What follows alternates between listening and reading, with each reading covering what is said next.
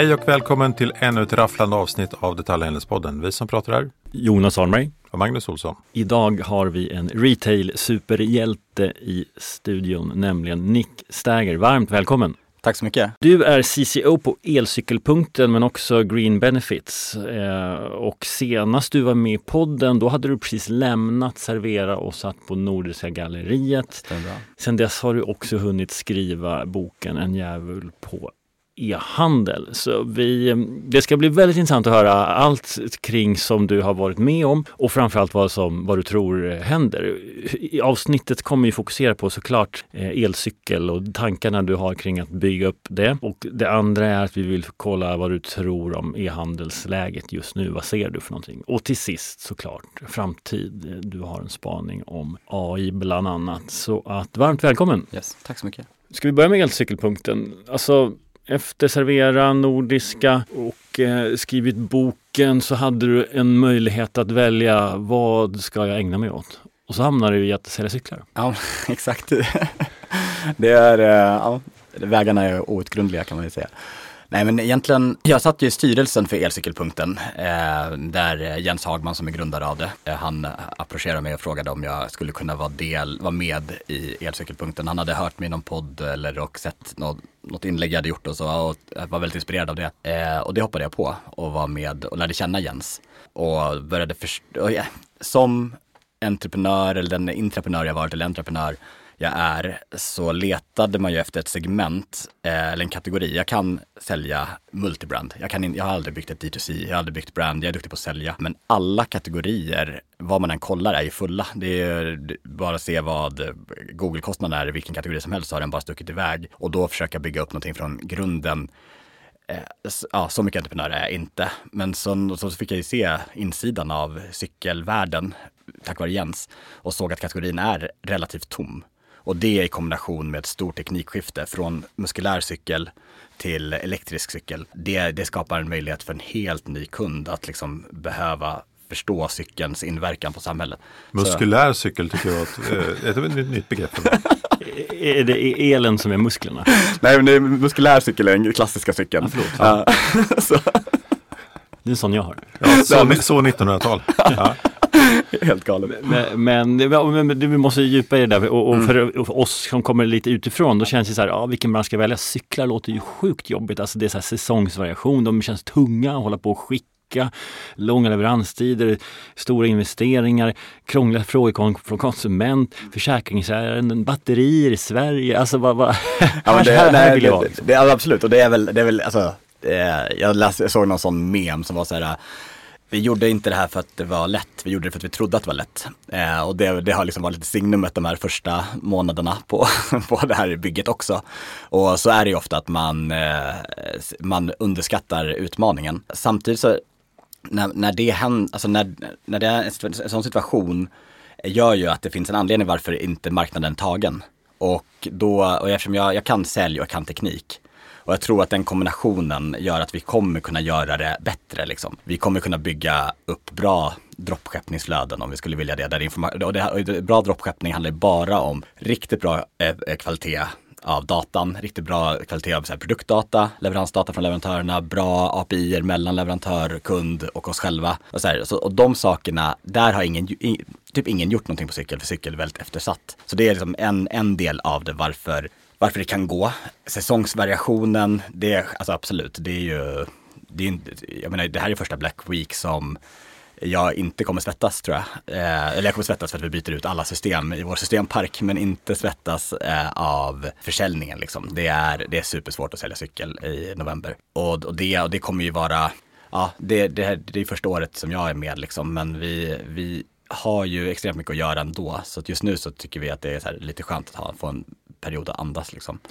Men, och ni är multibrand så att eh, ni har inga egna cyklar utan du säljer framförallt andra varumärken? Ja, säljer andra varumärken, exakt. Och det som är, som är intressant med det här caset då, är eh, på grund av att vi, det blir el. Alla, alla som säljer cykel har, har en approach av att sälja cykel till redan cykelfrälsta och liksom cykelnördarna. Och, och det, det är ju liksom ett superintressant och stort segment och många lägger mycket, alltså de som blir, lägger mycket pengar på sin cykel. Men det här segmentet är ju de som vill lösa vardagsmotionen. Så vi vill ju liksom vara till för vardagshjälten. Alltså våran vanligaste kund är ja, men, är sjuksköterskor som liksom tycker det är för dyrt att betala eh, parkeringsavgiften vid sjukhuset och väljer att cykla istället men bor 6-7 kilometer från stan. Och, så det, och det var ju en så stor del av när jag kollade på caset att såg statistik från en studie som visserligen är gjord i USA men 2019 tror jag det var. Och då var det 60 procent av alla bilresor är under eh, 6 kilometer. Och, de, och 6 kilometer kan man elcykla på 20-25 minuter. Och det, och det är i min värld liksom tillräckligt för att så här, ta cykeln istället. Och det kommer, det kommer göras med det. Och sen var det en annan studie från Tyskland som visade att de som, hade, de som elcyklade versus egna, inte elcykel, cyklade tre gånger så långt. Så det är så här, det, det här teknikskiftet, är, omställningen är superintressant i sig. Och, och, i, och i det perspektivet så blir det ju ingen stor investering att köpa en elcykel. Men när du jämför den med då en, en muskulär cykel så ja. kan den ju uppfattas som lite dyr. Ja. Ja. Får du igenom, funkar det argumentet? Liksom? Ja men det gör det. Alltså, det, det, alltså det, en av de starkaste argumenten är att om du köper en, en bra elcykel kostar runt 25-30 000 och det blir ungefär 500-600 kronor i månaden. Det är redan billigare än pendlingskortet och mycket billigare än bilen. Så det, argumenten håller att det här är en ekonomisk fördelaktig lösning. Och du, jag själv har ju börjat elcykla som tusan nu liksom och då, jag har, jag har inte suttit på tunnelbanan sen sen jag började elcykla. Och nu, nu är det liksom, börjar det vara nollgradigt och jag tycker ändå det, det känns fortfarande okej. Okay. Men jag måste ju leva brandet. Så att... Vad var det för val? Ja, vad för val exakt. Jag kan glädja dig med att, att jag cyklar året runt och det är ju otroligt härligt. Ja, det är faktiskt Slippa tunnelbanan. Ja, Men du, berätta mer i det här tjänstecykelspåret, ja. för, för det är både el cykelpunkten men det är också green benefits. Ja men exakt. Vad, vad, vad är grejen? Nej men green benefits är ju eh, det som kallas förmånscykel. Och, jag, och det, det är liksom någonting som eh, eh, har funnits ganska länge. Det är egentligen en, en skattesubvention från staten som gör att man inte blir förmånsbeskattad alls på din cykel. Så säg att du, så allt, om du tar en förmånscykel så blir den ungefär, beroende på vilken skattesats du har själv, så blir det ungefär halva priset jämfört med att köpa den i butik. Eller inte halva, men mellan 30 till 50 procent blir det beroende på vilken skattesats du är i. Och så räknar man, man räk, betalar i, i tre år eller något sånt där? Ja men exakt, man betalar, man har cykeln i tre år. Sen blir man förfråga, får man fråga, vill du köpa loss cykeln? Eller vill du ha en ny cykel? Eller vill du inte ha någonting alls liksom? Och, alltså, och för arbetsgivaren är det helt alltså, kostnadsneutralt. Det enda det är en liten administrativ uppgift för eh, HR-avdelningen. Och det, det, är, det är också en del av våra systembyten. Vi ska försöka göra så lite jobb för HR som möjligt, liksom, att kunna ta, administrera alla de här cyklarna som ett företag kan köpa. Det kan ju vara liksom, ja vi ser en tendens på att 5-10% av alla väljer att köpa en sån cykel när man, när, när man erbjuder det här till sina anställda. Och våran så här, stora devis är ju liksom, alltså förmånscykel är det nya friskvårdsbidraget. Det är både bra för dig, både bra för hälsan, bra för eh, arbetsgivaren.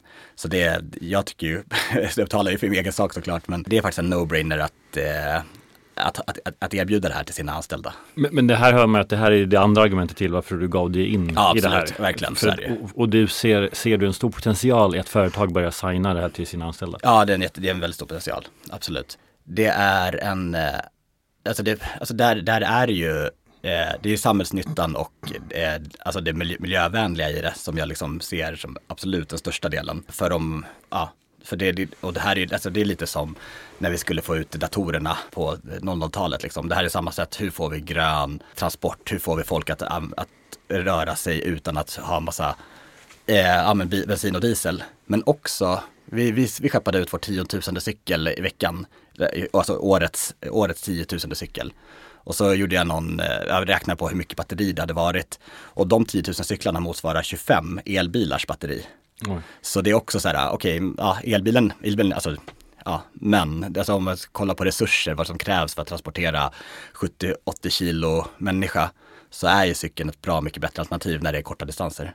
Du har ju tidigare också gillat att ha både butik och nät och så är det här också. För Elcykelpunkten har ett antal butiker. Ja men exakt, vi har, vi har öppnat fem butiker i år och så är vi uppe i nio butiker totalt. Vi har en egen och åtta franchisebutiker. Ni öppnar butiker? Vi öppnar butiker. Vi, vi, vi, har, vi har signat för fem nya butiker nästa år redan nu. Så att vi, ja, så vårt, vårt mål är att, eh, ja, att ha ett bra butiksnät i Sverige men vi kommer även komma, liksom, vi kommer gå in i utomlands nästa, liksom, till nästa säsong också. Och där köper, om jag är sugen på att gå och handla, Ja. då går jag till en butik och handlar. Ja, exakt. Och där kan jag serva den också. Och, och om, om, om bolaget har signat en, en tjänstecykel, då, kan man, då har du verkstad där. Mm. Ja men exakt och det här, alltså jag menar, eh, det är ju det som du sa, det är tungt att skeppa cykel. Och det här är det som är så positivt, alltså de kan ju få in cyklarna från leverantörerna eller liksom butikerna och vi har ju avtal med franchisebutikerna så att om vi har vunnit liksom en kund som är eh, nära en butik så är det där man hämtar ut cykeln. Man, vi får, och de kan ju självklart få hem cykeln också, men vi liksom vill ju att de ska hämta ut cyklarna där. Och det, så det, det, det, är som- det är så sjukt viktigt, när du har tungt gods är det otroligt viktigt att få ut alla de här servicepunkterna för logistiken och även liksom för om vi har reklamation, alltså det är ju strul med cykel. Så här har vi liksom en butik och verkstad och vi har en lång, eh, alltså en kunden äger cykeln i tre år, vi har en relation med kunden, alltså det är allt annat än slit och släng. Alltså vi har många möjligheter att få kommunicera med kunden under eh, ägandets livslängd också. Så, och då behövs ju butiken eh, ännu mer, eller verkstaden och butiken ännu mer. Jag pratade faktiskt Ja. med en cykelhandlare som inför de, det, EU har ju massa ny lagstiftning på gång och bland annat eh, så kan det från årsskiftet vara så att du inte får ha mer än 40% luft i ditt paket. Så pratade jag Mm. med en som säljer cykelhjälmar, vilket i princip är omöjligt att skicka en cykelhjälm i ett paket. Som in, det blir mer än 40% luft. Wow. Liksom. Ja, Så det då är det, det är bra att ha butiker Ja, när, den här, när den här landar. Ja, verkligen intressant. Alla får köra hövding istället. Ja, men och sen så bara, eh, och sen så är det det här att, att, att bygga det tillsammans med, med franchise. Det är att vi, alltså all cykelhandel är ju nästan det alltså, som finns är liksom fristående cykelbutiker. Så ser hela nätet ut. Och det, är, det krävs en lokal entreprenör, det krävs lokalt entreprenörskap. Så det är därför vi liksom tror på franchisetagaren i det här. Med en superstark liksom, e-handel och en bra kundklubb där du digitalt kan se när ska jag serva min cykel, när kan jag alltså, få all information om din cykel, men även om du köpt den online eller offline och så vidare. Så det är liksom en, en, stor, en stor del varför vi valt franchise-konceptet i det här. Annars så eh, är det oftast lite svårt att kombinera e-handel med franchise, men i det här fallet tror jag att det, är liksom, det finns extremt mycket synergier just av att det naturliga är att gå in och klämma och känna på en cykel så otroligt mycket. Liksom. Men Nick, ska vi gå över och prata lite e-handelsläget i stort eh, när vi sitter här i nådens år eh, 2023 mitt eh, in i eh, en lågkonjunktur och så vidare. Och du har ju testat lite olika kategorier nu i det här laget. det. Eh, du börjar bli gammal i gården eh, exakt. och livet har ju bjudit på både räkmackor och bajsmackor kan man säga. Så är det.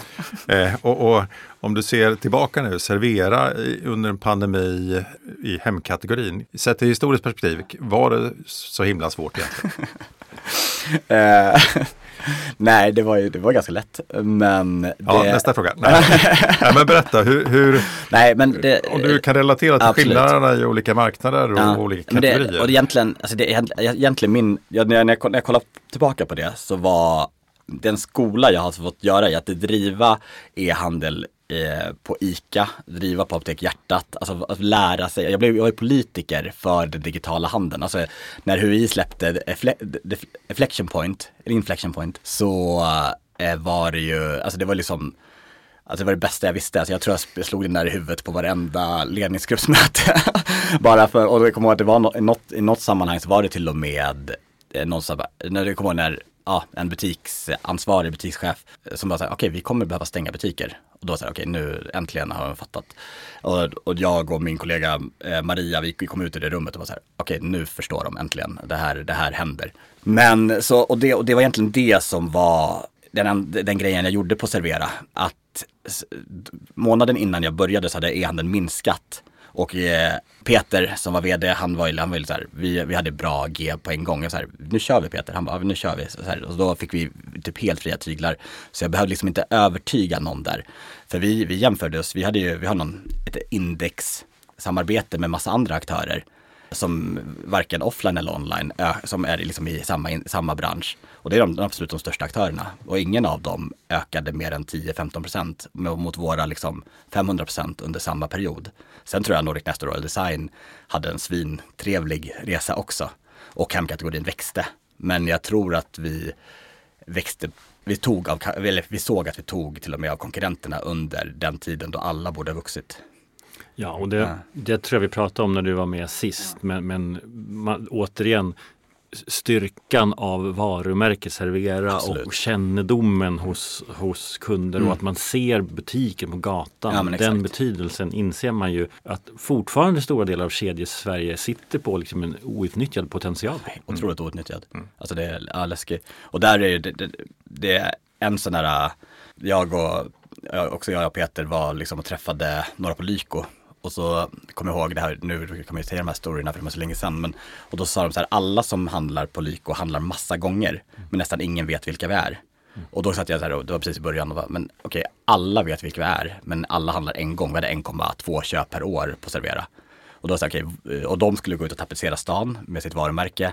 Och, så här, och, vi, och jag som liksom ser upp till de här eh, e-handlarna tänkte så här, oh, då kanske vi måste göra samma sak. Men då där var det så här, kom det ner, okej, våran kundresa är ju paj någon helt annanstans. Det är vår operation som är paj eller vår prissättning som är paj eller vårt sortiment som är paj. Och då så var det så här, okej, vi ska bara optimera där. Vi behöver nästan, vi kunde till och med ta bort marknadsföring, alltså kostnader i alla fall, utan att bli eh, sämre. Liksom. Tack vare skyltarna på fasaderna. Garanterat. Mm, exakt. Ja. Och, Och- mötet och- i butikerna. Ja, exakt. Ja, och vad heter det? ehm, Sen har du jobbat en period i betydligt samma, samma del av branschen egentligen, Mm. när vi säger hem, men med lite mer kapitaltunga produkter Ja. och i en liten annan marknad. Eh, vad, om du bara jämför, utan att gå in på detaljer, men bara jämför den, den traction som ni hade där, eller Mm. upplevde där, att istället för glas sälja dyra märkesfåtöljer. Hur, hur, Nej, det var, hur det var otroligt. Det var, det, var, det, var liksom, det var en tuffare marknad, alltså Mm. dels det. Och sen så, vi började väl diskutera ganska fort någon sån här form av lipstick-effekt. Att man, och då vill man ju ha small, eller så små, eh, small ticket items. Så vi kände ju lite grann att vi kanske är lite, att det är lite kämpigt att ha de här superstora pr- prylarna.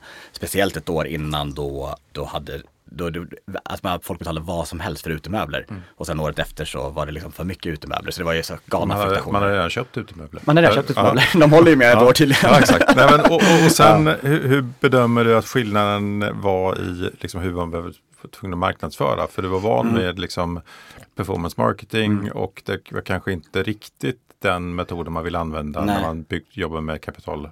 Nej exakt, alltså, det, alltså vi, vi la ju extremt mycket mer på att bygga brand och vi bygg, försökte, ju- där försökte vi verkligen bygga brandet av eh, själva retailbolaget liksom. Och vilket, vilket fungerade, alltså vi såg ju inga tapp i våra, våra fysiska butiker. Där fick vi in hur mycket folk som helst och bra försäljning och, så här, och där, där, brandet, där brandet kunde upplevas på riktigt liksom. Och, och ja, alltså vi pratade om 60-40-regeln någon gång. Där levde vi 60-40-regeln utan tvekan. Alltså 60% till fördel till eh, inte eh, eh, performance marketing eller konverterande marknadsföring. Och man får ju betalt av det efter ett tag. Och, det, och då, den andra kombinationen är också att våra, våra de, de, det som vi sålde, de ville ju vara i en kontext där de kunde vara stolta över att vara i den kontexten. Så det var ju mm, vi kunde väl få in nästan vilket varumärke vi ville, men vi kunde också ge dem en värdig eh, plats att vara i. Och den får man också värdera rätt högt, eh, att, man, att man bygger upp det. Liksom. Här, här, det är marknadsplats aktörerna vill vara på, speciellt när det är liksom mer eller mindre konstnärer som skapar eh, de, här hög, de här varorna. Liksom. Det finns, finns lite egon i den branschen. Och nu är du i en, marknad som är tuffare konjunkturmässigt Mm. än någonsin och säljer fortfarande dyra produkter men i ett Eh, om du ursäktar, ett, ett, ett relativt okänt varumärke. Ja, eh, hur, hur ser du att man behöver vikta varumärke, eller vad heter det, marknadsföringen då? Jag tror att mitt liv handlar om en så här pendelrörelse, att säga emot det som alla säger. Och nu så, nu, så då, eh, under det är så många bolag som jag varit inne på, vi måste trycka mer på performance marketing, för det behövde vi göra på de här, eh, de här traditionella bolagen. Och nu så säger jag nästan tvärtom, att vi behöver lyfta mer på att bygga varumärket och göra, skapa liksom, möjligheten för, för det. Mitt viktigaste nyckeltal när det gäller varumärkesbyggande är inte, är faktiskt inte cost per sale Eh, just nu, utan det är eh, vår share of search. Hur många väljer att söka på vårt varumärke? Och där eh, så ser vi att vi, vi har redan gått om flera av de största e-handelsaktörerna. Och det tror jag är nästan bara på grund av att vi har våra fasader. Liksom. Vi, har inte, vi, har inte, vi har inte gjort något mycket out of home, eller vi har inte råd att göra out of home, vi har inte råd att göra tv och så. Men våra butiker står där och är nära skylt. De här, vi, har, vi är alltid i bra köplägen, mycket boxlägen, någon i någon stad och så här. Så att det, det skapar att folk googlar på oss. Eh, Men när du märker då att share of search ökar, Mm. lägger du in mer performance då eller vad, vad Nej. händer då? Alltså jag tycker det, det, det märkliga med hela performance marketing är ju att det här äh, verktyget performance max i Google är så himla starkt och att deras algoritmer är nästan starkare än vad man kan göra själv. Så det har blivit mindre Ja, det här, någon, det här skjut ner mig, men äh, det, det, har blivit mindre att fixa och trixa i performance marketing än på grund av att algoritmerna är så pass bra nu, är min äh, tanke. Och då, visst, och, och då kan man ju nästan så nu, nu är vi också så otroligt omogna eh, för att vi håller på att bygga alla system så vi har liksom inga bra CLV, alltså Customer Lifetime Value-modeller eller vi, vi optimerar på profit delat med liksom den performance marketing vi gör och så försöker vi maxa det så mycket vi kan. Mm. Och, men det, är det, vi, det vi märker är att vi får mer av för mindre när vi mm. får hög share of search. Liksom. Mm. Ja. Men om verktygen har blivit så bra då, ja. eh, nu, nu, kan vi lämna liksom, din värld, nu pratar ja. vi med alla andra ett tag. Ja, eh, mycket, mycket lättare. eh, varför får jag så mycket sms ja. just nu och det är ja. inte 20% längre, det är 30% eller 30% plus ja. någonting annat. Verkligen. Hur mår e-handel-Sverige egentligen? Vad, vad är din spaning? Ja, nej, det, ja, alltså, ja, e-handel-Sverige jag tror att det är svårt att tjäna pengar just nu. Det är otroligt mycket reor och det är mid-season, alltså det är nästan jag tycker att det är mer än någonsin, även om vi kanske sa det förra året vid den här tiden också. Men jag tycker att det är, och det är bättre erbjudanden än någonsin. Och det är också Alltså som konsument? Som konsument, ja exakt.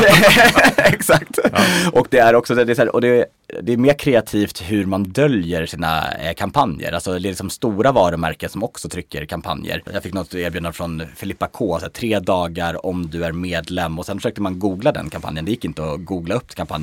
Men i tre dagar så kunde man liksom komma in på någon bak bakväg med rabatterade priser och om man inte kom in via den cookien så fick man inte rabatterat pris. Så och för att de vill hålla kvar sitt varumärke men också tömma lager. Alltså det är, ehm, och då, jag har ingen aning hur det går för Filippa K men alltså det, här, det var bara en sån spaning och, som var snygg. Alltså jag tycker jag blev så imponerad av den kampanjen för att den, den, den var värdeskapande för mig men också dold för alla andra och tappade inte varumärket. Men, men tror du att de gamla e-handelsföretagen, mm. eh, det vill säga de som är 5-10 år, mm. vad nu är, vad är ett gammalt gammalt e-handelsföretag. har de eh, liksom bränt ut sitt efterbrännkammare nu eller första raketsteget? Är det liksom Behöver de ställa om nu? Alltså det är en spaning som jag har när det gäller liksom vad gamla e-handelsföretag där vanlig retail har varit duktiga. Mm. Det är kategoristyrning. Mm och det här, och det här är också återigen att min så här, pendelrörelse. Jag har ju varit på alla de här äldre bolagen och sagt så här, vi måste få in 20 000 artiklar. Men vi måste göra det med kategoristyrt sortiment. Vi kan liksom inte bara, bara för att vi har 10 000 kvadratmeter lager så måste vi inte fylla hela lagret utan vi måste förstå vad som kan kannibalisera på vad även i en e-handelskontext. Du kan ha mycket bredare sortiment men du måste ha ordning på din kategori. Alltså den, ja, för min egen del, så här, den, den tusende damcykeln kommer sälja eh, sämre än den första konstiga low någon, någon konstig eh, specialcykel. Den, den kommer sälja bättre än den tusen damcykeln. Mm. Så, um, och, och det här kan liksom inte, eller kan, men e-handlarna har varit alldeles för dåliga på. Och, och liksom man, har, man har gått på Amazon-spåret att vi ska, vara, vi ska ha miljoner artiklar och, och jag tror man lider ju av det. Men är det, är det kopplat till, till är förväntningarna olika på olika kategorier? För när det gäller mm. cyklar till exempel, om då kanske det är jobbigt att välja mellan tusen ja. stycken. Mm. Och samtidigt så är det ju vissa kategorier som till exempel mode där vi, många verkar föredra Zalando till exempel ja. som ju är ett torget eller varuhuset. Absolut. Var kan du, kan du hitta olika kopplingar till ja. olika kategorier. Jo, men det, det, jag tror du har helt rätt. Och jag tror, men jag tror också att det har varit drivet av att man skapar en extrem träffyta på Google egentligen. Det är det, varför mm. sortimentet är brett, är brett generellt och att det liksom hela Google shopping möjligheten gjorde att det blev som att, att de blev som Zalando eller mm. torget. Det blev ju som att du, ja, på Servera hade vi samma konvertering från Google shopping-annonsen som när de var, när de var i kategoriträdet. Så det var ju, beteendet var exakt samma sak som Google, som att man var inne på vår sajt redan innan. Men, men, men, men det du, vad, vad, är din poäng då? Att om du har för stort sortiment ja. så får du för låg snurr på vissa artiklar på lagret? Eller, eller vad? Ja men exakt, alltså det, min, min poäng, min poäng, tack, det, min poäng är egentligen att vi håller, nu kostar det pengar pengar. Och då börjar kategoristyrning bli viktigt även för en e-handlare. Och då behöver man ha rätt saker på lagret och det kostar jag är skolad i lean management. Alltså lågt lager är liksom nyckeln för en eh, lönsamt företag och det har inte behövts på, på en e-handels, e-handelssetting. Men det har behövts i butik för där var hyran fortfarande dyr och man behövde ha rätt, rätt saker. Så därför var kategoristyrning viktigt även i gammal retail under hela den här perioden även om pengar var gratis. Och den här, den här förmågan, vad kategoristyrning är, det måste e-handlare också lära sig. Och e-handlare måste lära sig vad kategoristyrning är för e-handel. Jag håller på och försöker lära mig det nu, liksom, vad är, vilka, vilka artiklar skapar eh, mycket trafik? De kan få vara kvar av den anledningen. Vilka artiklar kostar mer än vad det smakar? Alltså hur, vad, vilka produkter tjänar vi inte pengar på? Vilka produkter kannibaliserar på andra produkter som, som vi har högre marginal på? Men jag tänker också ur ett kundupplevelseperspektiv mm. där man liksom, ja men hur, i vilka kategorier tycker kunden att det är kul att browsa mellan ja. eh, tusen olika alternativ ja. och vilka vill man ha tio ja. tydliga liksom, erbjudanden? Vad tänker du själv alltså, på vilken? Nej, men om, om jag, alltså, det här, här är också hur man prioriterar kategorin. Om jag skulle köpa min första elcykel så skulle jag ha rätt så svårt att förstå skillnaden. Eh, och där kanske jag skulle behöva hjälp med någon form av, av eh, egen kategorisering mm. utifrån ett användarperspektiv. Ja, eh, och, och ja, men är du nybörjare så har du de här att välja på. Ska du köra på vintern så är det här bra och så vidare. Och så vidare. Att, man, att man jobbar mer utifrån ett, ett, eh, ett situationsperspektiv. Ja. Ja. Ja men absolut, men sam, ja, jag, håller, jag håller med och, vi, och där behöver man ju, alltså det är väl en sån sak som i högkonjunktur och så, så la inte jag så mycket kraft på det utan då såg jag sajten som rent, en ren konvertering. Att eh, för, förresan eh, hände någon annanstans. Alltså man ville hellre läsa på en icke-partisk eh, sajt om vilken elcykel som är bäst för mina behov mm. än att läsa den hos oss. Liksom. Och det beror på vilken, ja. om, man har, om man är en destination själv. Eller exakt, om man exakt. är bra poäng. Och det är Zalando ja. är destination själv som ja. exemplet. Mm. Ja. Och, men det andra är ju att liksom, alltså, hur många facetter man kan ha i sin kategori, alltså i sitt kategori på sajten mm. och även hur bra söket är och vad som kommer upp först och så. Det, det har ju blivit extremt mycket bättre. Alltså det mm. finns ju extremt bra verktyg för det just nu och den, så det gör ju i sig att ett brett sortiment inte är utmanande för, eh, för kund, alltså, mm. i, sin, i, i alltså kundupplevelsen. Mm. Men i den här perfekta stormen för handeln då mm. så backar e-handeln just mm. nu. Eh, vad, vad är skillnaden mellan de som, som förlorar och de som vinner nu? Bortsett om vi tar bort kapital, mm. liksom, spåret. Mm. För att det är klart att om man har höga lån så är det tuffare just nu. Eh, men, men ur ett, ett efterfrågeperspektiv. Ja. Men alltså det, det, det är kategorin, vilken kategori man är i är ju absolut en av de Man ska ha tur alltså? Ja, ja, tur eller byta jobb. Nej, men vad, är det så enkelt att så här, möbler, byggvaror, eh, vad har vi mer för eh, tunga? Ja, Hemelektronik. Där, ja, där ser du, där är det tufft. Ja men, där är, ja men absolut och där, det är ju kapitaltunga varor som folk har köpt på sig under pandemin. Alltså det, är ju, det går ju, om man ser flygbranschen som e-handel så går det ju svinbra apotek går helt sinnessjukt bra. Eh, att göra sig vacker verkar ju gå liksom hur bra som helst också. Så det, jag tycker det... Ja, inte för mig. Men, men, men, du som det är bara en fråga om budget. Men du som är en jävel på e-handel då. Ja. Om, du, om du skulle tvingas starta en hemelektronik eh, ja. företag nu ja. och, och jobba med e-handel. Hur skulle du göra då? Ja, den är ju det är otroligt, otroligt svårt. Det, alltså, det, är så här, det finns en anledning varför jag inte har gått det spåret liksom. Mm. Och det, det är det här att där är det ju chokat på den, på den marknaden. Det finns hur många aktörer som helst. Mediamarkt lämnar, Power kommer in och de, de öppnade väl butik igår och sålde 30 miljoner innan lunch. Så det måste ha varit, inte så mycket marginal, men de fick ju bra PR på det. Men, men det är väl det eh. som är analysen av ja. den sektorn. Alltså, du behöver vara enorm. Ja, exakt. För att, för att överleva på den lilla, lilla, lilla tror, eller, alltså, eller, så behöver du vara ett brand. Alltså, du behöver mm. vara D2C liksom. Alltså, det, det, det är det enda, de enda spåret som är. Jag hade någon idé om att liksom, de här handprojektorerna, alltså de små projektorer som man kan ta med sig överallt, det verkar inte ha slagit egentligen. Där borde man kunna bygga ett brand med något med Android UX på som liksom bygga brandet kring det och få liksom influence marketing kring att ja, så här. Och, och, och, det blir liksom den typen av marknadsföring. Om man, blir, om man ska gå D2C på elektronik, då måste det vara global direkt. Och så här. Ja, det här det är en annan bok än den boken jag skrivit tyvärr. Ja. Men, men, bara för att liksom konkludera då. Du, mm. du är en jävel på e-handel, mm. eh, men du gillar också butik. Absolut. Och det du säger just nu att i det här läget så handlar det mer om vilket erbjudande du har än vilken mm. kanal du går i. Kan man översätta det så?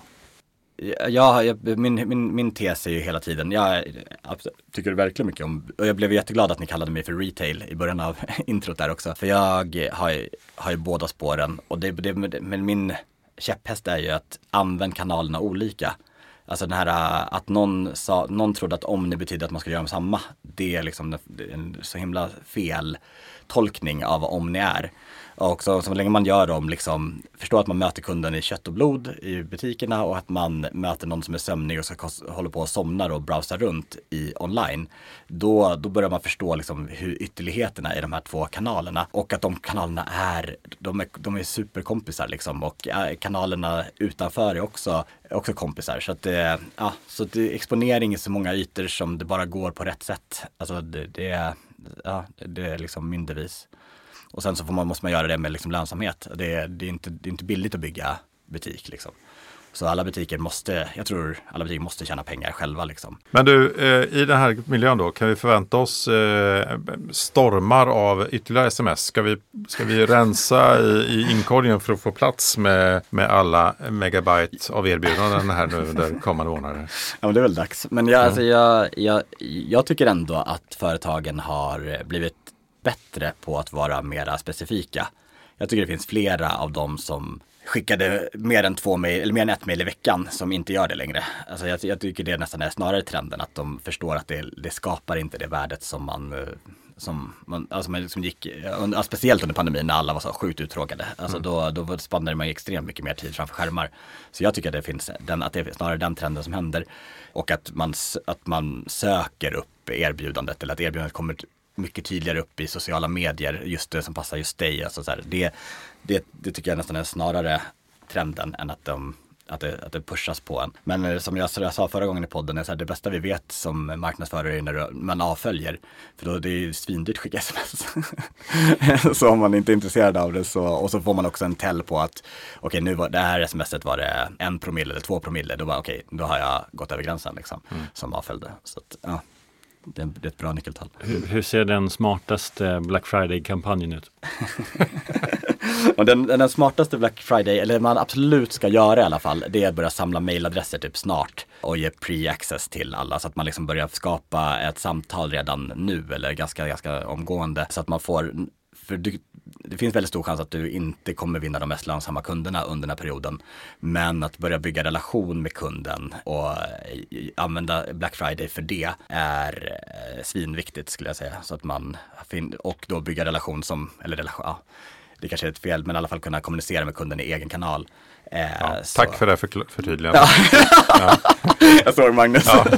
Ja, lite grann i, ja. Grymt svar. Nick, vi vill hinna med lite framtidsfrågor också och eh, vi tänkte prata lite AI och lite brandbyggande. Om vi börjar med AI, för du har en spaning om att e-handlarna möjligtvis har en fördel i automations, automationsracet mm. utifrån den ganska enkla analysen att de har mer strukturerad data. Ja.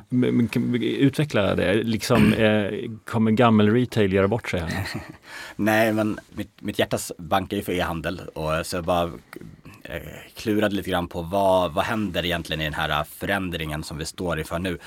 Jag tyckte redan det var bara för några år sedan, alltså vi som liksom en e-handelsperson så får man bli approcherad av massa AI-verktyg och så. Jag kommer ihåg att vi började jobba med produkter som hade access till ChatGPT kanske 6-7 månader innan det för att göra PIM-verktyg och så. Och då fick jag en, så här, en spaning att, och då under, under den perioden började alla Facebook och alla de här Meta, alla de här äh, eh, Google börjar säga upp massa människor. Och jag, jag, jag tror att, det här är ju lite foliehatt på det här, men jag tror att det hade att göra med att de såg hur AI redan, redan då började påverka deras, hur mycket folk de behövde ha, för de hade så bra koll på sin data. Och då tog jag den sen, vad är största skillnaden mellan ett e-handelsbolag och ett retailbolag, ett gammalt retailbolag, och, när, och som jag själv har sett och varit i, då, då är det hur väl man har sin data strukturerad och vikten av att ha sin data strukturerad på, det finns liksom tre områden man måste ha koll på för att vara en bra handlare egentligen och det är kunddatamodellen,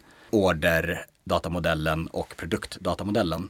Och nästan alla e-handlare jag har varit på eller insyn i har extremt mycket mer data på sina produkter, för det är enda sättet att sälja det på. De har extremt mycket mer data på kunden, för de har liksom följt alla klick och hur de kommit in-kanal. Och order, om man, den är ju viktig om man har omnikanal och vilken, vilken väg den ska ta och ska, om den ska komma tillbaka eller inte. Och det de här modellerna eller AI-modellerna behöver är ju strukturerad data. Speciellt det, det, finns ju säkert modeller som klarar av att strukturera datan så det kanske inte behövs. Men det, det här handlar ju om att vi ska lita på det. Om vi, så här, om vi blackboxar allt då kommer vi inte våga agera på det. Och det här, det tror jag att e-handlarna kommer våga agera på den här datan och våga, och det, och det är liksom alla de verktyg jag väljer att använda min, för, för det jag bygger är att det ska vara actionable, att vi ska kunna agera, agera, agera, agera fort.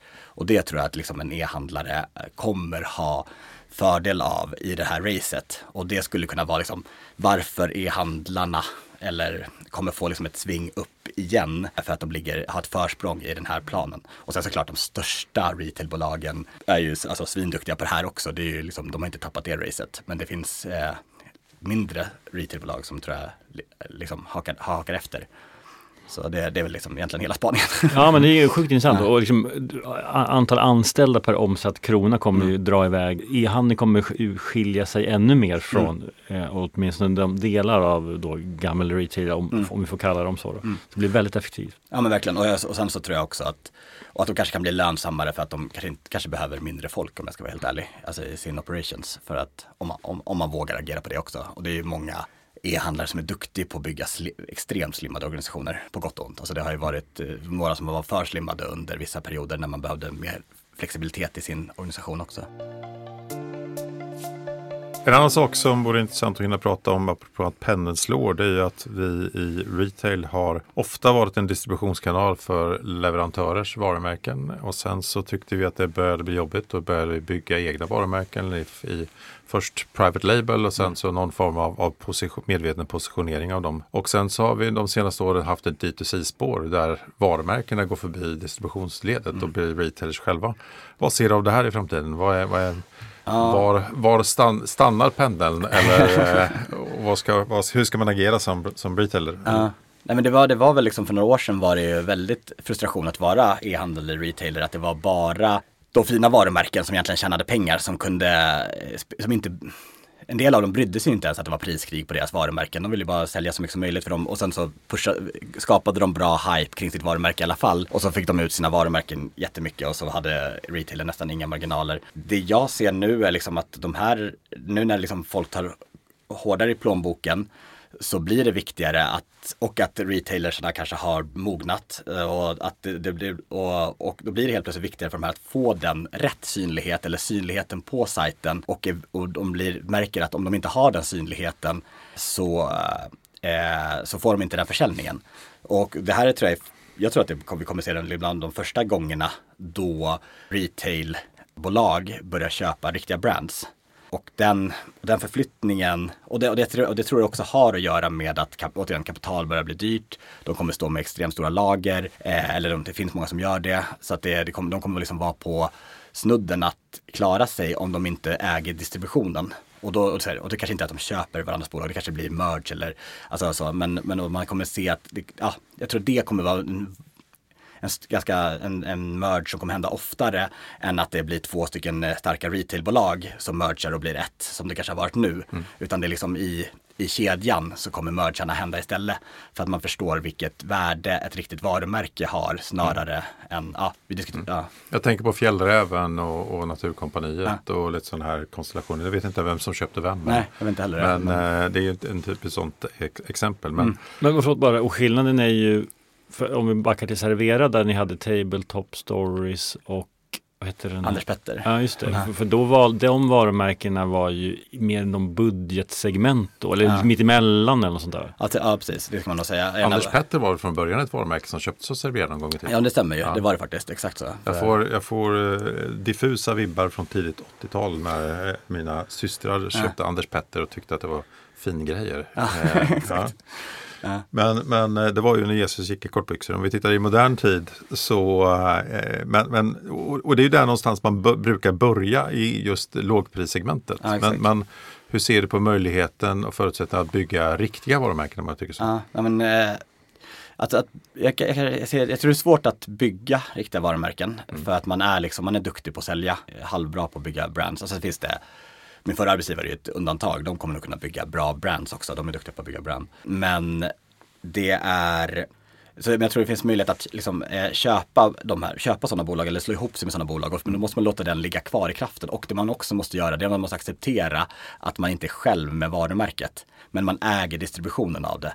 Och det är alltså, jag menar, alla leverantörsförhandlingar jag har varit i så har jag sagt så här, jag måste inte få ner, jag måste inte få 2-3% bättre marginal, men ni måste sluta sälja till den här aktören. Ni säljer inte mer för att ni är på den, aktör, hos den aktören. Det har liksom varit ett viktigare mål än att få de här 2-3 procenten. Och, det, och då att vara den som äger distributionen och så får man säga, okej, okay, där, det här, den här aktören skapar det här värdet för det här varumärket och den skapar det här värdet. Och jag tror att man även kan göra det med sitt, med sitt private label. Alltså att man kan låta private label gå in i andra delar om det skapar ett värde för sitt sitt label, men det skapar värde för sitt brand och då ja, så, så är det värt att göra det. Så man ser sig mer som en distributör än bara som en retailer. Och jag tror också jag tror också det finns till och med möjligheter där i vissa branscher så här, finns det ju distributionsledet kvar. Alltså det är bara någon som vill komma in i det här. Och där tror jag det finns extrema möjligheter för eh, retailers, större retailers att bygga distributionsben. Och som man liksom får hela Norden. Och även om man inte äger brandet själv så har man rättigheten att sälja det här brandet. Men då måste man ju göra det i ett annan, en annan setting. Men man har ju all, alltså om, om Servera skulle göra det med all kö, köksdata, bara okej, okay, knivar säljer så här bra. Vi behöver den här. Alltså du har så extremt mycket data så du kan ju bygga ett extremt bra distributionsben. Och, och du ska också förstå att ja, den där saken saknas ju på marknaden här. Låt oss köra det här. Alltså, eh, kategorikunskapen är ju bättre än att någon bara går, åker ner på en mässa och får en bra relation och sen bygger upp det liksom. Men, men retail menar du kommer ju bli då relativt starkare i förhållande till leverantörerna eller är det det man vill uppnå? Ja, det, ja men absolut, det är absolut det man vill uppnå, den, den balansen. Och jag, tyck, jag, jag tycker jag ser liksom en gryning, i alla fall i de kategorierna jag har varit i, på, i de segmenten. Eh, och sen så är det ju liksom, det, det händer ju extremt mycket på ägardelarna och liksom på en nivå som ligger över eh, oss som arbetar i retail där, där ägarstrukturerna kan vara något helt annat. Ja. Där de liksom Men extremen där är ju livsmedel, bara en, en, en, en passus ja, dit. För där, har man ju, där är ju retail enormt starka. Ja, verkligen. Men, men det är fortfarande så att de egna varumärken man har är ju ändå i liksom en halvtrist kategori. Och man sätter sitt varumärke på liksom en budgetvara och så. Och medan finvarumärkena, det är ju Orkla och allt vad de heter, Unilever. Mm. Där, det finns inte så mycket sånt ägande. Eller jag, kan, jag har mm. inte riktigt koll heller. Nej. Nej, men så är det. Men, men där, de har ju typiskt använt, i Sverige i alla fall, EMV för att just skapa instegssortimentet. Mm. Och i, på, till början med på produkter som kanske inte var sådär jättekänsliga som krossade tomater. Det är liksom en krossad tomat. Mm. Eh, oavsett, eh, oavsett vad du kallar den så är det en krossad tomat. Men där man sen i kraft har kunnat ändå jobba med mer förädlade produkter och liksom fått en bra, ja, bra trovärdighet. Kan jag ja. ja, men exakt. Men samtidigt, jag menar, alltså ICAs private label-avdelning, alltså mm. hur, hur, hur otroligt snabbt de jobbar. Mm. Det är alltså de här, kommer du ihåg de här dadlarna som smakar godis typ, mm. här, med salt och så här, de har, nu har ju de en egen sån och det var liksom en produkt som absolut inte fanns eh, överhuvudtaget. Alltså det, det, det tempot är sinnessjukt att hit, få liksom Verkligen. Ja. Men, men jag tänker att det du är inne på Nick, det är egentligen att den som äger distributionsledet sitter egentligen på makten. Ja, det är precis. Ja, och D2C-bolagen som oftast jobbade, åtminstone till att börja med, väldigt online, liksom som, som startups mm. mer eller mindre mm. i många fall. De försvann deras traction i och med att kapital började kosta pengar. Eller, eller wow. liksom, för mm. någonstans handlar det om den av de här aktörerna som faktiskt kommer att lyckas över sikt. Det är ju ja. den som skapar en ny kund till lägst pris. Ja, det, ja, det är nog en bra, en bra analys. Att det är de som kommer vara lönsammast i alla fall. Och sen så, ja, en, en, en, ny, en ny, ny kund som är lojal till lägstpris. Som hela, kund, hela kundvärdet är över tid är liksom mm. långt. Så är det ju. Och där är det ju, så jag menar, de D2C-bolag som byggt riktiga varumärken, riktiga brands, de, de kommer ju må bra nu också. Mm. Och då återigen så är kanalen eh, sekundär. Men att, att bygga starkt varumärke är ju, ja, lättare sagt än gjort liksom. Så att, eh, ja. Men Nick, i, i relationen retail, varumärke, hur, hur, är, hur, planerar du att agera själv på elcykelpunkten? Mm. Nej men det som vi ser är ju att eh, vi vill, vill ha in varumärken som stärker vår position och det vi pratade om kategoristyrning förut så är det här mera varumärkesstyrning. Vi vill ha varumärken som passar till oss och vi, vi är till för den, den de som vardags, inte vardagsmotion utan vardagsmobilitet, de som vill liksom ta cykeln till jobbet. Så om vi hittar varumärken som har den nischen, då vill vi jättegärna ha in dem i våran, eh, i våran lösning. Och det vi ser är ju att många företag som är, har varit D2C traditionellt, de är svinduktiga på att bygga brands och de har mycket högre share of search, apropå det som, som vi hade, än vad vi har. Men de är inte svinduktiga på att sälja. De, de, de har liksom inte dels inte det CRO-mässigt och det. Och vi, vi e-handlare, retailers är duktiga på att sälja. Det blir skillnad att ha två cyklar på golvet i en butik i Trollhättan och då kommer den cykeln att sälja mer på samma sätt som en soffa i en butik. Liksom. Och det är våran uppgift och där kommer D2C-bolagen behöva den ytan på ett helt annat sätt. Återigen när kapital kostar pengar. Grymt intressant. Lovande för också fastighetsägare som säljer kvadratmetrar med mer som, ja, som gäster i podden. Givet att eh, det, kostnaden för de kvadratmeterna är billigare att, att få den. Ja, låt oss inte hamna i inflationen i oktober är 7 procent och så vidare. Ja. Hur svänger vi ihop det här? Jag tycker att vi ber Nick eh, ge sina bästa råd till eh, hur man får en effektiv och eh, slagkraftig e-handel de kommande åren. Ja. Vad, vad, ska man fokusera på? En, en sak som det, även det caset som jag är med i själv är ju att vi eh, fokuserar, vi har ju hållbarhet i vår affärsmodell. Så den delen tror jag faktiskt, det tror jag faktiskt händer nu också. Att en affärsmodell som om man ska starta något nytt behöver vara hållbar i sin eh, grundstruktur. Och jag tror... Att affären är hållbar är att man bidrar Nej, till precis. Jag tror, jag tror man måste bidra till hållbarhet i sin affär. Alltså att det som, om det är det jag har jobbat med är att varit slagit på den digitala trumman och det fanns digitala strategier och det, det finns inte längre. Och nu, men det finns hållbarhetsstrategier nu. Och det tror jag inte heller, det kommer inte heller finnas om ett tag, utan det kommer liksom bli exakt samma transformation som den digitala CDO, alltså Chief Digital Officer. Det finns ju liksom inte längre. Och, men, och det kommer vara exakt samma sak för det hållbara. Jag tror att företag på riktigt kommer ha balansräkningar som, där man ser sin CO2-ekvivalens som en del av, eh, av och när man, har liksom, man kan gå bankrutt på sitt, sitt, sitt, hur, man, hur man bygger sitt bolag liksom, från ett eh, koldioxidutsläpp. Och, så det, det är liksom den ena, det är en, en, ena tipset att det händer nu och den påminner om den digitala förändringen. Att man bara har den spaningen när man bygger, i alla fall om man affärsutvecklar sitt bolag. Sen så och det är väl en ganska grov spaning. Men annars så är det ju använd den eh, automatisering så mycket, mycket, mycket bara går, men inte mer. Och med inte mer så är det där, där du behöver flexibilitet så är inte automation bäst. Men där, det, där du har trygghet, det är samma sak som någon snackade om att man, ska man jobba agilt eller ska man jobba vattenfall? Jag känner ingen snickare som har jobbat agilt, för de vet exakt hur man bygger ett hus. Men jag känner ingen mjukvaruutvecklare som har jobbat i Vattenfall. Eh, och det är samma sak här, automatisera det som är samma varje dag, där du liksom kan få nytt, nyttja dem, men där du behöver eh, ändra dig snabbt, där, ska det liksom, där behöver det vara människor som kan eh, ändra sig snabbare och kan tänka liksom. Det, och sen så är vi, vi kommer vara en period där det är svårt att tjäna pengar, alltså lång tid till. Alltså, Magnus, hur mycket, mycket mindre i plånboken har vi nu jämfört med för ett år sedan eller två år sedan? Jättemycket. Jättemycket mindre. Ja. 13 500 om man är en maxbelånad familj i, i storstad. Ja. Eh, så det smakar ju. Mm. Ja. Jag tycker det är intressant att höra dig Nick prata utifrån de här strategiska termerna. För några år sedan när man satt och pratade e-handel pratade vi om att det borde finnas på Instagram. Vi har kommit mm. en bit därifrån, eller hur? Ja, men, ja, men man borde ju, ja exakt, det har man nog gjort, det kan ja. man nog säga. ja, vad tror du vi har kommit, vad tror du vi pratar om om fem år då? Wow, det är så Kommer vi prata AI då eller kommer AI vara lika självklart som Alltså det, det, är en så otrolig eh, stor fråga för att det är, det, jag tycker det går, det går ju så läskigt, läskigt fort, alltså om man ska vara helt ärlig. Och det är, nej, jag vet inte, alltså hela, att, att, gå in och liksom brotta i, grotta i AI-träsket när det gäller jobben och så här.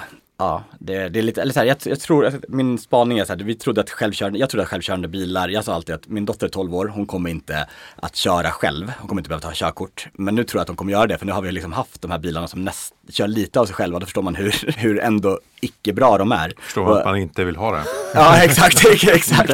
Och jag tror att det, det finns en chans att AI har liksom samma, alltså att våra förväntningar är svinhöga nu och så blir det lite så samma, eh, samma förändring och att vi kommer anpassa oss eh, till det och att vi inte tror att alla jobben kommer att försvinna på, på det sättet. Men, men samtidigt finns det en otrolig risk att det gör det och då, då, då är den stora risken att att det blir en existentiell kris på liksom, alltså det blir, det blir en superstor fråga. Det blir en existentiell kris för liksom hela mänskligheten på något sätt. Och det är det som är, det, det, det är de stora frågorna som händer just nu liksom. Mm. Uh, som är, och det här är, jag vet inte, det går att resonera som helst, men det, det, det, någon snackar om att det är som elektrifiering. Men det är ju, elektrifieringen hade ingen infrastruktur. Det här grejen är så att infrastrukturen har byggts först och sen kommer tekniken och då, då blir det ju precis som digitaliseringen. Mm. Det var, internet fanns först och sen kom digitaliseringen och så det blev stora förändringar. Och det här är ju liksom mycket, mycket värre. Eller värre eller bättre. Alltså så här. Så ja, det är lite lite läskigt. Du har blivit mer och mer existentiell i dina spaningar ja, över åren. Tyvärr. Ja. Ja. ja, men det är i alla fall, det är ju rim, det är väldigt rimligt att fortsätta investera och, och titta på det. Mm. För, man kan, för det, går, det, känns inte, men det kanske vi fångar att man säger det, men det känns inte som live-shopping som alla gick in i och så nu går alla ur det. Och alla, det, finns, det funkar väl jättebra på vissa ställen. Men, men eh, det, här känns det svårt att hålla sig utanför. Ja det gör det absolut. Och det, ja, precis, verkligen så. Och då är det väl så här, ha struktur på din data mm. Eh, så kan du i alla fall nyttja det. För det är liksom att bygga, lägga på lagret på det du håller på med jag kräver en bra, bra dataflöden in liksom. Och sen så finns det extremt mycket verktyg som kan göra saker för dig. Så absolut. Nick Stagger, CCO och CTO på Elcykelpunkten och Green Benefits. Otroligt stort tack att du var med. Det är ju knappt så att vi lyckas avsluta det här avsnittet sättet. Men eh, väldigt lärorikt. Eh, så, jag inser att vi måste ju, du måste vara en stående gäst för att eh, det händer så mycket och du har så mycket att lära oss. Så du är välkommen i vår igen. Ja, men stort tack, det är vi jätteglada att höra. Grymt och äh, återigen tack till alla ni som lyssnar. Vi hörs snart igen. Ha det fint. Hej då. Hej då. Och har ni anställda måste ni gå in på Green Benefits och se till att alla har en schysst tjänstecykel. Perfekt. Tack. Tack för idag.